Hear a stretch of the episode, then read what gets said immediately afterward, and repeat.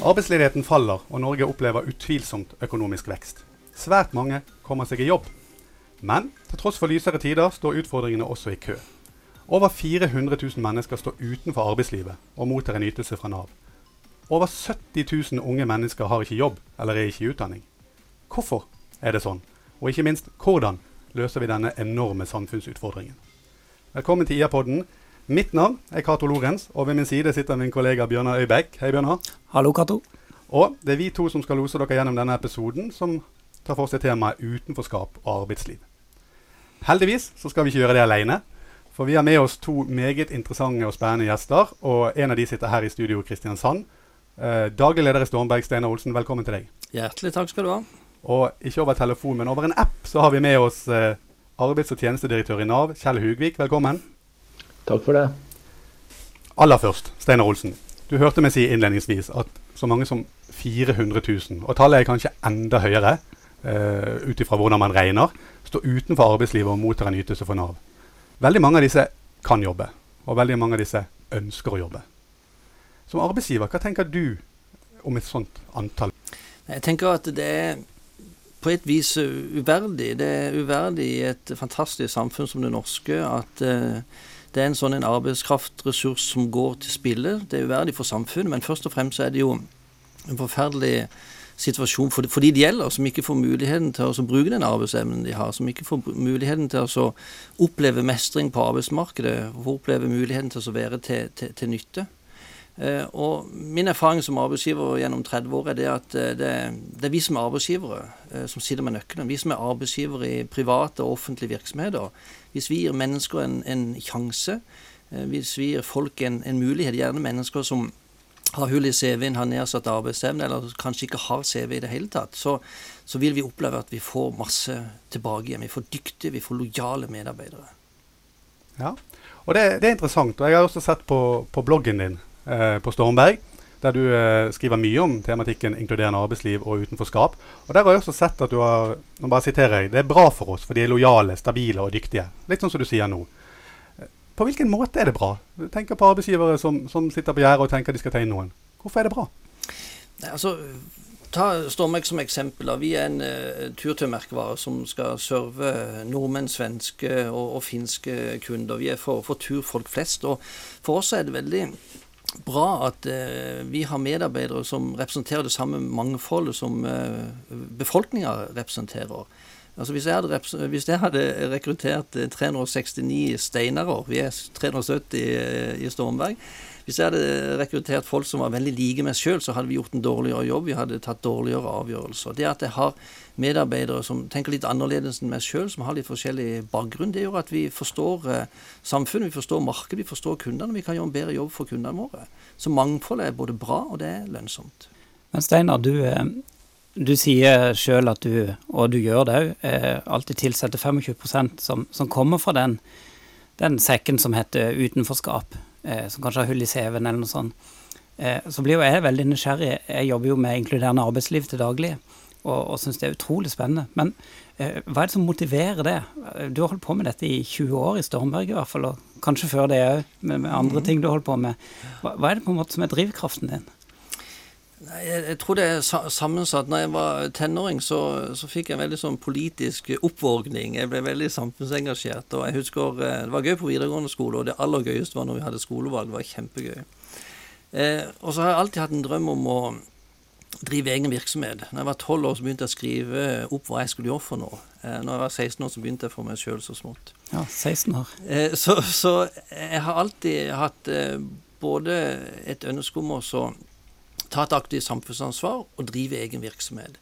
Og, og, hvis det er noe som alle arbeidsgivere kan gjøre, i hvert fall de som kan bestemme selv og driver egen virksomhet, så kan de i hvert fall ta et aktivt samfunnsansvar gjennom hvordan de rekrutterer. Så Derfor så begynte jeg tidlig å rekruttere også mennesker som sleit med å få innpass på arbeidsmarkedet. Og Jeg så at det var bra for virksomheten, og jeg så at det var bra for, for de også å få den muligheten. Det er en vinn-vinn-situasjon.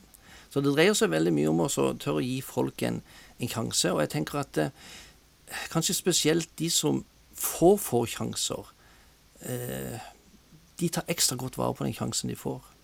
Ja. Eh, så jeg har eh, Senest i går så hadde jeg en samtale med en som er rekruttert for mange år siden, som fortsatt jobber i Stormberg. Og når han var på intervju med meg for nå, ja, nå er det vel 16 år siden, eh, så sa han til meg at eh, hvis du gir meg den sjansen, Steinar, så skal du aldri angre på det. Og Det har han vist år etter år, måned etter måned, at det var aldri grunn for å angre på. Og han jobber fortsatt i Stormberg. Fantastisk. Kjell Hugvik, er du fremdeles med oss? Ja da. Du, du, du hører Steinar Olsen snakke uh, utvilsomt engasjert om, uh, om uh, måten han driver på med i forhold til inkluderende arbeidsliv og inkludering av de som står utenfor. Hva er din reaksjon på en sånn type sam samfunnsengasjert arbeidsgiver som Stormberg? Nei, jeg, jeg, tenker jo at det er veldig bra at vi har den type arbeidsgivere som, uh, som Steinar, og at vi har den type firma som, uh, som Stormberg, som både ser at man uh, har et ansvar, et samfunnsansvar som, som, arbeidsgiver, men også ser at dette kan kombineres med det å drive lønnsom virksomhet. Og jeg tror at Du må ha begge delene i, i, i, hodet ditt og i måten du driver virksomheten på, skal dette fungere. For vi, vi ønsker jo å inkludere folk, og inkludere folk varig inn i arbeidslivet. Og Da er det jo enten i lønnsomme bedrifter eller i, i, i offentlig virksomhet der man, man gjør en, en, en, god og fullverdig jobb, at, at dette er bærekraftig over tid. Mm. Jeg, jeg må bare igjen spørre, Du hører jo meg snakke innledningsvis, og disse tallene kjenner du til veldig veldig godt i forhold til hvor mange det gjelder, og hvordan man regner det ut i forhold til om hva ytelse de mottar. Men, men, at det er høyt, dette tallet av de som står utenfor, det er vel vi alle enige om. Er du bekymret, som en av toppsjefen i Nav, på antallet mennesker som står utenfor? Ja, det er klart man er bekymra. Og dette er jo en viktig del av oppdraget til Nav. At vi, vi, skal både på en måte håndtere svingninger, ordinære svingninger i arbeidsmarkedet. Og vi har nettopp vært gjennom noen perioder med veldig høy ledighet på Sør-Vestlandet pga. krise i oljevirksomheten. Der ser vi nå at dette går i, i, i riktig retning, heldigvis. Eh, ledigheten faller hver måned, og vi ser en veldig positiv utvikling.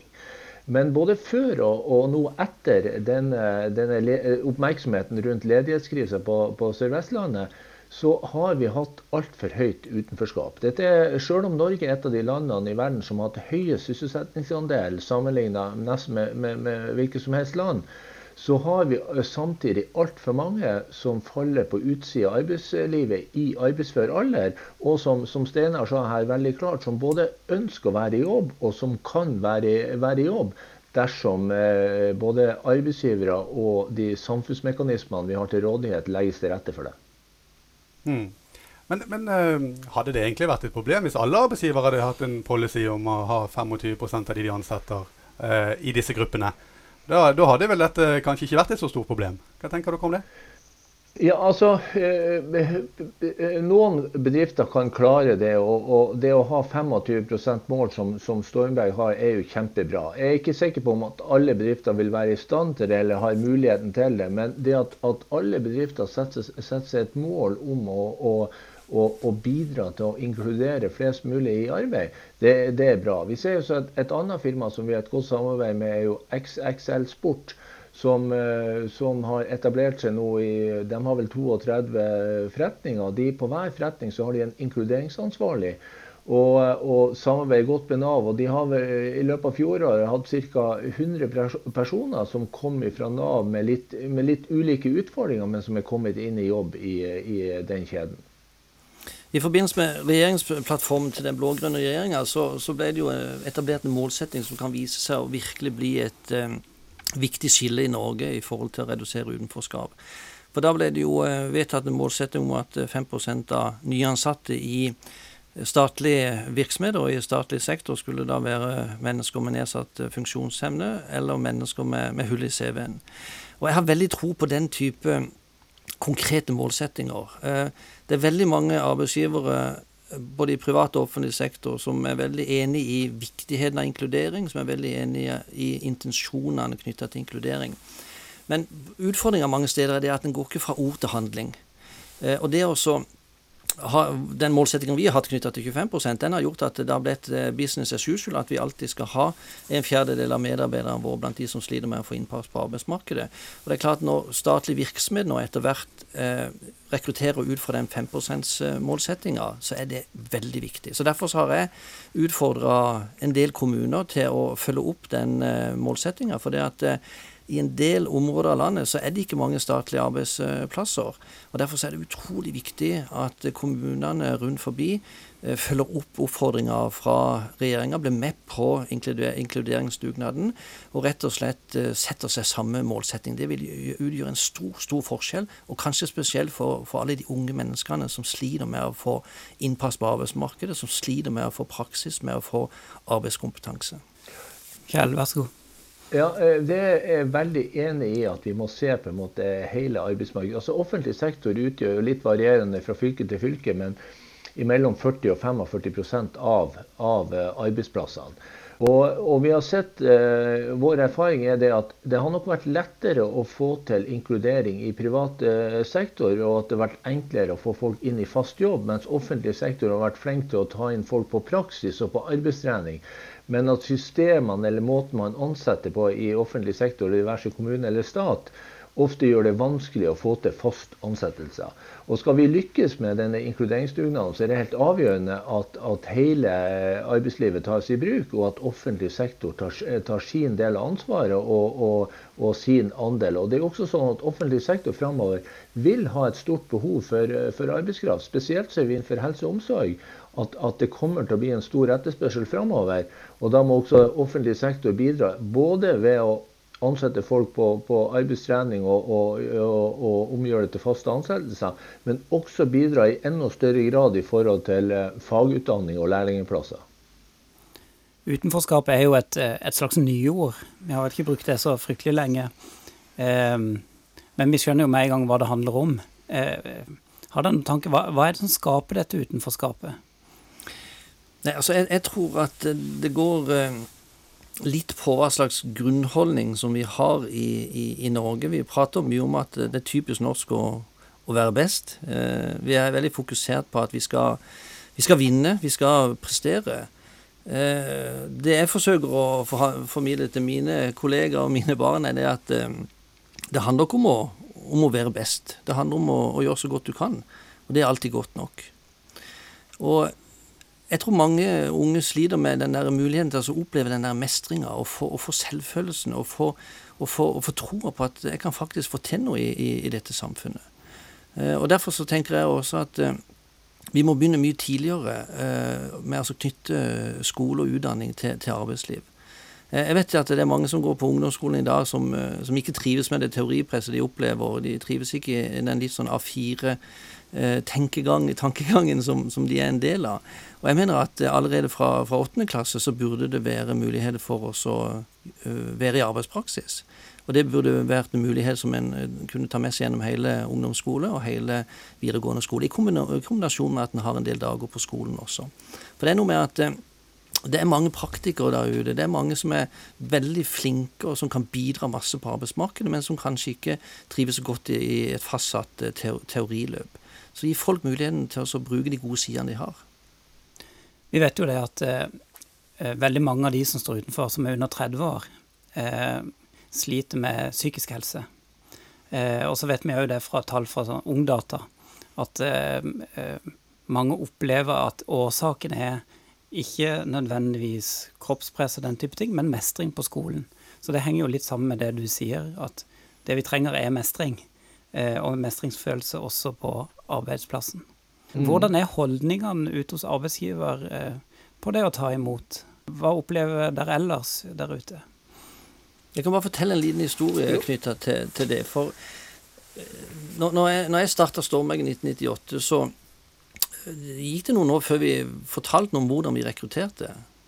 Men likevel så var det noen arbeidsgivere som hadde hørt litt om vårt samarbeid med Nav. da, og at vi rekrutterte bl.a. folk fra fengsler og folk som sleit med å få innpass på arbeidsmarkedet. Så møtte jeg en av de eh, arbeidsgiverne, en, en godt voksen arbeidsgiver, en, en, eh, ja, en, veldig flink kar da. Eh, så sa han til meg jeg skal gi deg ett godt råd, Steinar. Du må passe på at det ikke blir kjent at det jobber flere tidligere kriminelle i, i, i Stormberg. For hvis det blir kjent, så kommer de til å miste tillit hos kundene. Kanskje vil de oppleve at en del leverandører ikke vil levere varer til deg lenger. Og kanskje vil de også oppleve at banken ikke tør å, å stole på deg. Så du må passe på at det ikke kommer ut. Eh, jeg er veldig glad for det, det, det rådet jeg fikk fra, fra, den næringslivslederen. For når jeg skjønte at uh, veldig oppegående folk som han hadde den type fordommer, så bestemte jeg meg for at uh, nå skal vi kommunisere veldig tydelig hvordan vi rekrutterer. Vi skal forsøke å formidle historier, og vi skal forsøke å få fram at uh, dette på ingen måte er farlig eller negativt. Dette er en vinn-vinn-situasjon. Det er bra for virksomheten, og det er bra for, for, den enkelte. Så jeg tror det er mange arbeidsgivere som gjør uh, veldig mye bra, og det er utvilsomt mange som utgjør en forskjell for mange mennesker. Men samtidig er det, det er mye fordommer blant oss arbeidsgivere, og en del av de fordommene hindrer mennesker å komme inn på arbeidsmarkedet. Kjell Hugvik, du hadde en kommentar? Jeg, jeg tror jo jeg tror jo akkurat som, som Steinar sier, så er arbeidsgivere som folk flest og har uh, ulike oppfatninger av ting og, og, og, kan ha ulike tilnærminger til det. Men eh, jeg sjøl var ute nå, jeg brukte i februar nå, så bestemte jeg meg for å se litt om hvordan fungerer på en måte samhandlinga mellom Nav og arbeidsgivere og arbeidssøkere, spesielt da knytta til dette nye tiltaket vi har som heter egenregi, eller det at vi har jobbspesialister som jobber med tettere oppfølging. Og Da hadde jeg gleden av å være på en 15-16 eh, plasser rundt omkring i Norge, der jeg møtte, hadde et eh, sånt felles møte mellom arbeidsgiver og, og, og arbeidssøker, eller noen var allerede kommet til jobb eh, fast, og, og jobbspesialist. Og, der, og det var ganske forskjellige arbeidsgivere, ganske forskjellige mennesker. Og, i alle plassene så opplevde jeg det at det var et genuin interesse og opptatt av å få tak i folk som, som kunne fungere i jobben, og som kunne gjøre en god jobb så lenge forholdene var lagt til rette for det, og så lenge man hadde en åpenhet rundt det. Og akkurat det som Steinar sier her, at jeg tror at det er kjempeviktig at man ikke på en måte prøver å fordekke dette her, men er åpent at det er, folk har ulike utfordringer i livet. Det kan være små, det kan være store, det kan være helseplager, det kan være psykiske lidelser, det kan være kompetanseutfordringer. Og først da når du identifiserer hva er utfordringa og hva skal til for å løse utfordringa, ja, da er det også en mulighet å, å, å, å, løse den. Og min opplevelse med, med, gjennom samtalene med, med, både de jobbsøkerne som, som, hadde ulik bakgrunn, og de arbeidsgiverne, var nettopp at den åpne dialogen mellom dem, eh, mellom arbeidssøker og, og, eh, og arbeidsgiver, var det som gjorde at man fikk til matchene. Og da kunne også jobbsosialisten gå inn og se på hva slags type virkemidler trengtes her? Var det kompetanse, var det lønnstilskudd, øh, var det annen type tilrettelegging i forhold til hjelpemidler for å få det her til å fungere? Mm. Er utrolig viktig, og det, og det, er kanskje spesielt viktig stikkord når det gjelder dette med psykiske helse, helseplager. Jeg hadde, jeg hadde en, en, en, kollega som uh, hadde mye korttidsfravær. Det var mye sånn uh, influensa en dag eller to, så var han tilbake igjen på jobb. Og da var han tilsynelatende veldig frisk. Uh, og så når det hadde gått noen måneder sånn, hvor det var mye influensa, så, så, skjønte jeg det at det var jo veldig underlig at det skulle være så mye influensa på, på såpass kort tid. Eh, og Så fikk vi en god prat med han, og så, så sa han at nei, ok, det var ikke akkurat uh, feber og den influensaen, men det var det at uh, noen morgener så, så, så, tørte han rett og slett ikke gå på, på bussen. Da, da tok den sosiale angsten overhånd, og han tørte rett og slett ikke gå på bussen. Og så sa vi så flott at du, du, sier fra om det de, de morgenene hvor du føler deg så, såpass dårlig når du våkner, så sender du en SMS, og så fikser vi, fikser vi kameratkjøring. Og det gjorde vi noen måneder, ordna kameratkjøring på en veldig enkel måte, og så fungerte det veldig fint. Da var han uh, veldig lite borte fra, fra, jobb, og han hadde, han hadde funnet en, en grei måte å å løse den utfordringa på. Og han hadde funnet ut at det var ikke så farlig å si fra til, til nærmest leder om at, at, det var vanskelig. Så, så, åpenhet, god dialog, ja, det er et kjempeviktig stikkord. En annen ting er vel også Men for å gå litt tilbake ja, til, eh, til spørsmålet, eller, altså, det du sa i forhold til hva er årsakene til utenforskap. Og, og jeg tror at det, det, det, eh, det, er viktig å være klar over at det, er mange ulike årsaker. og Vår opplevelse i, eh, i, eh, i, Nav er jo det at hver eneste bruker eller arbeidssøker som kommer til Nav, er på en måte en individuell person med, med, med ulike utfordringer eller ulike bakgrunner for at man er i den situasjonen man er i.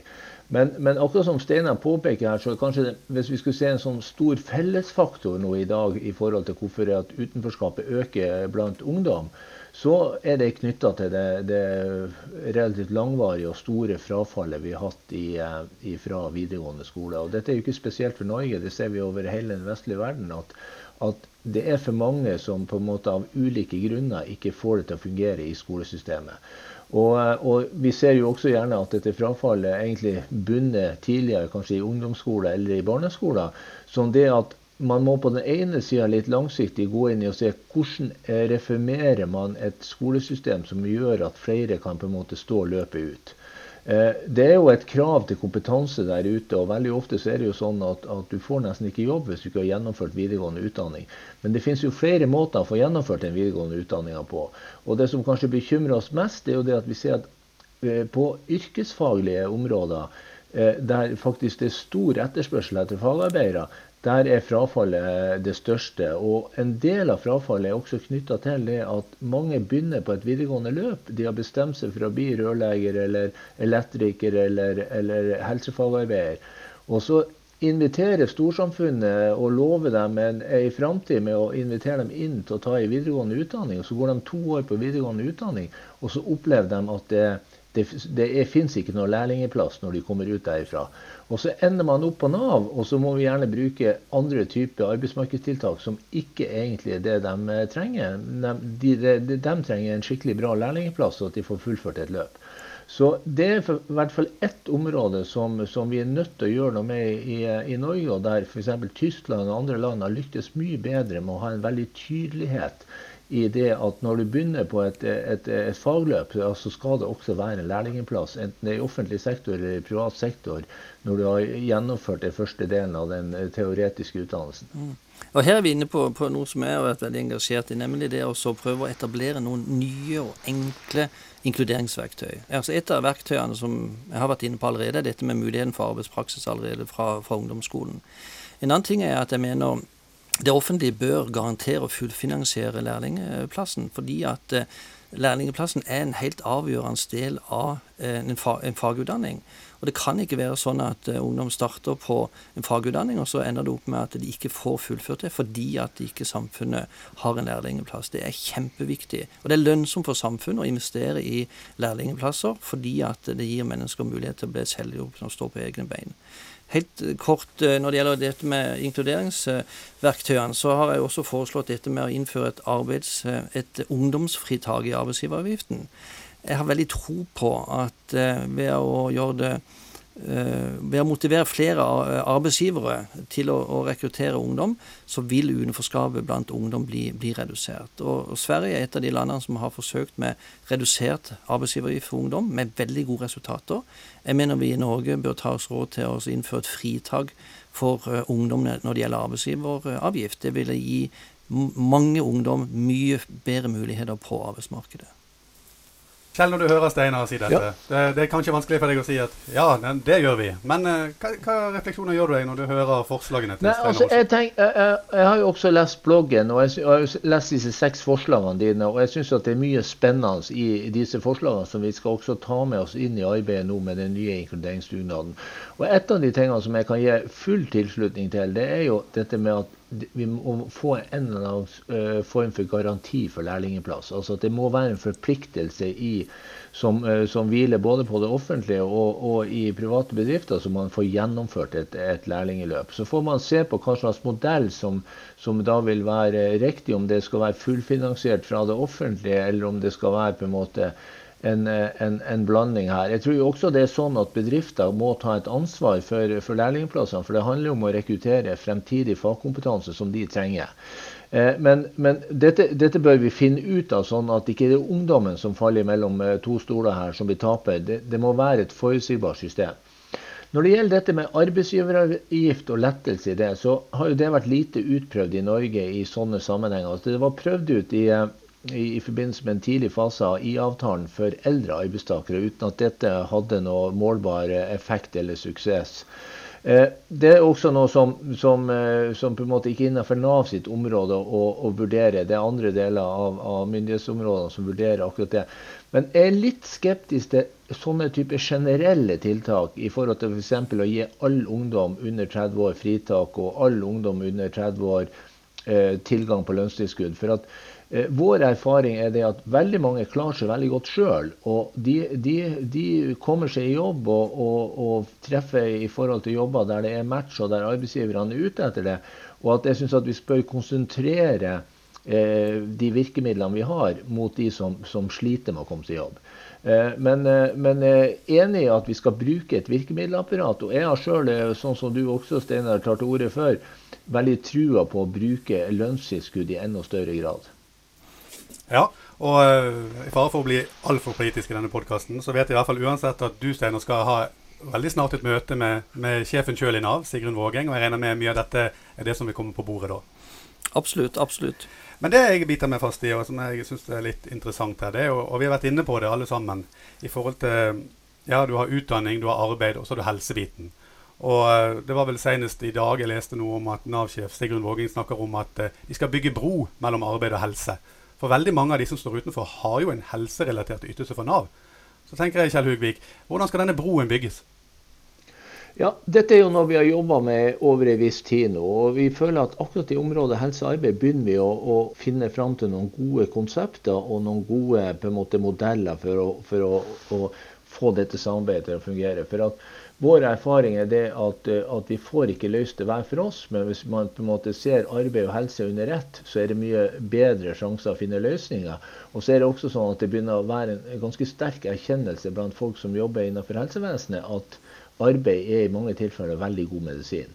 Eh, vi, har, vi, har, sett dette i, i, eh, prosjekter der vi har brukt dette, dette, gode norske ordet 'supported employment', eller altså inkluderingskompetanse, der det er god oppfølging og, og jobbspesialister som enten er tilknytta helsevesenet eller tilknytta til Nav, og der man i et samarbeid med, med, med helse finner fram til gode arbeidsgivere og har en god oppfølging. Dette, vi ser at folk som, som har kroniske lidelser som, som bipolar eller schizofreni, som før var på en måte eh, diagnoser som gjorde at folk ble holdt utenfor samfunnet, de kommer med, med, med, med, gode resultater inn i jobb og blir værende i jobb dersom det er den rette type oppfølging.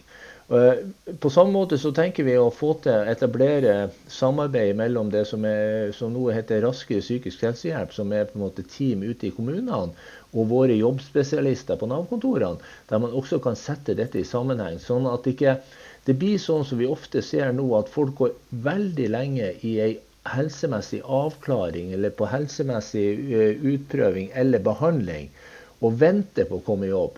I veldig mange tilfeller så er det sånn at man bør komme i jobb samtidig som man får den helsemessige avklaringa, og, og, at det fungerer positivt også på helse. Mm. Og det, jeg vil utfordre deg, litt, Steinar Olsen, for du gjør jo dette. Du, du, inkluderer disse, og svært mange av disse i din 25% sekk som stå, har stått utenfor, har en eller annen helseutfordring. Jeg vil tro uten at jeg vet det, at en del av de også sliter med lettere og har psykiske lidelser. Mm. Hva skjer med et menneske når, når, de får en jobb og får en sjanse og får en mulighet? Mm. Det har jo du sett.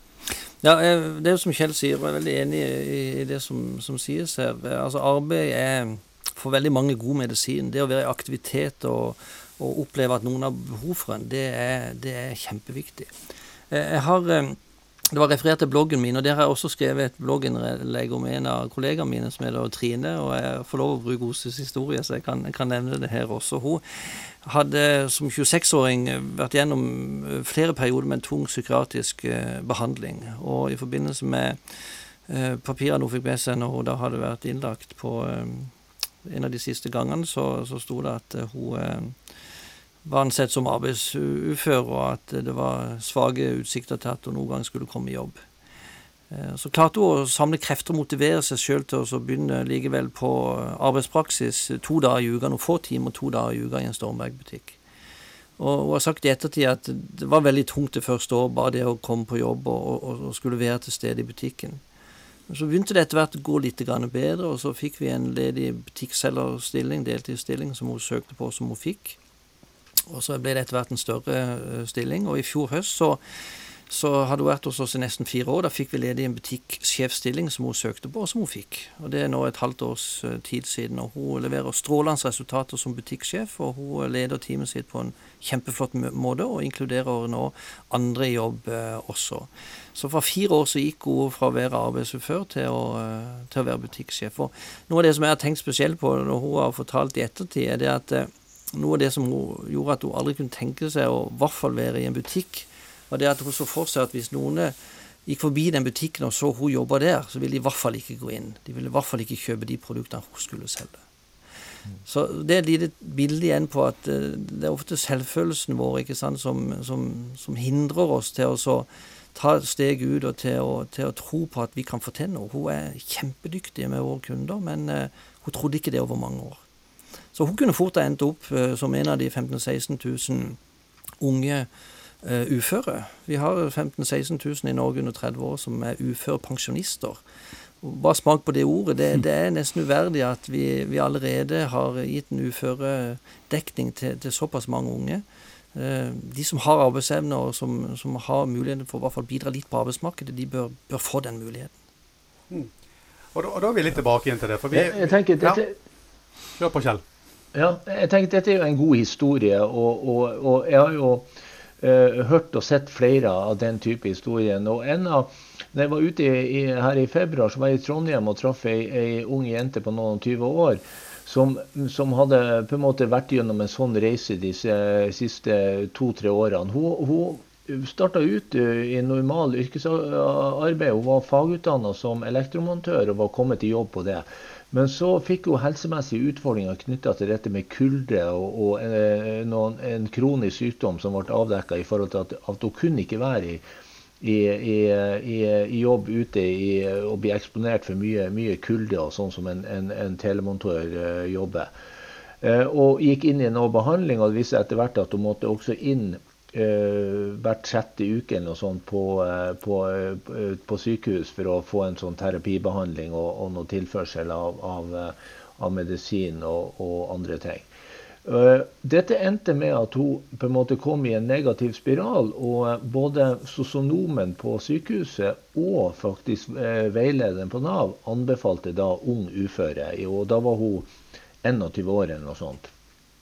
Og hun ble jo helt fortvila og gikk hjem til mora si. og Heldigvis hadde hun ei sterk mor som sa nei, det, det, det skal, ikke, skal, ikke, skje i dette tilfellet. For at, at dattera mi har lyst til å komme i jobb, og, og bidro og var med hun til, eh, tilbake til Nav. og så ble det prøvd ut en del forskjellige ting, og så kom hun da i kontakt med en jobbsosialist som klarte å finne da en Eh, prøvde ut litt forskjellig, men fant en ny arbeidsgiver da, i et helt annet yrke, med, der hun kunne jobbe på kontor og jobbe i et firma som, eh, som driver og selger kjøkkenutstyr og, og, og kaffemaskiner og en del sånne ting til andre bedrifter.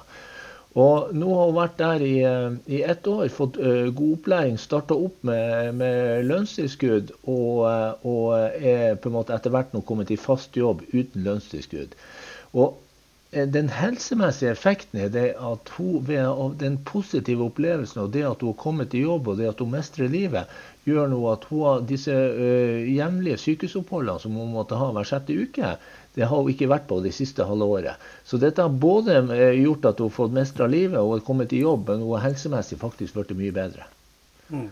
Og Disse historiene er det en god del av, og de er absolutt uh, gode å høre på. Men allikevel så, så kan vi mm, glemme at uh, svært mange arbeidsgivere ikke åpner dørene sine for de som står utenfor. Og tallet er fremdeles ganske høyt. Og så hører vi vår egen arbeids- og sosialminister Anniken Hauglie snakke om Navs verktøykasse.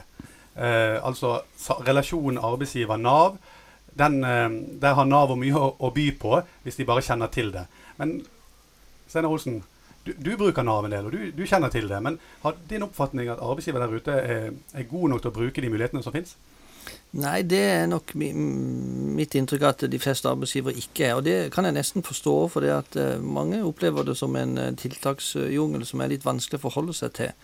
Eh, og Det er derfor at jeg har hatt tro på dette med enkle verktøy som, som, alle arbeidsgivere forstår. F.eks. For dette med fritak for arbeidsgiveravgift blant, blant, unge. Og dette med mer forutsigbart lønnstilskudd. At det er en form for automatikk i det som gjør at eh, ikke trenger en konkret vurdering eller behandling. ved å ha en automatikk i det, så kan vi, som Kjell er inne på, på eh, sånn sett eh, også snekre en del tiltak for f.eks. unge mennesker som ikke trenger det. Men jeg, jeg, er ikke så urolig for det. Jeg er mye mer urolig for alle de som faller utenfor, som ikke vi klarer å få inn. Og vi ser jo det dessverre, at selv om vi har bra med verktøy allerede, i, i Navs verktøykasse, så er det for mange som faller utenfor. Det er for stort utenforskap.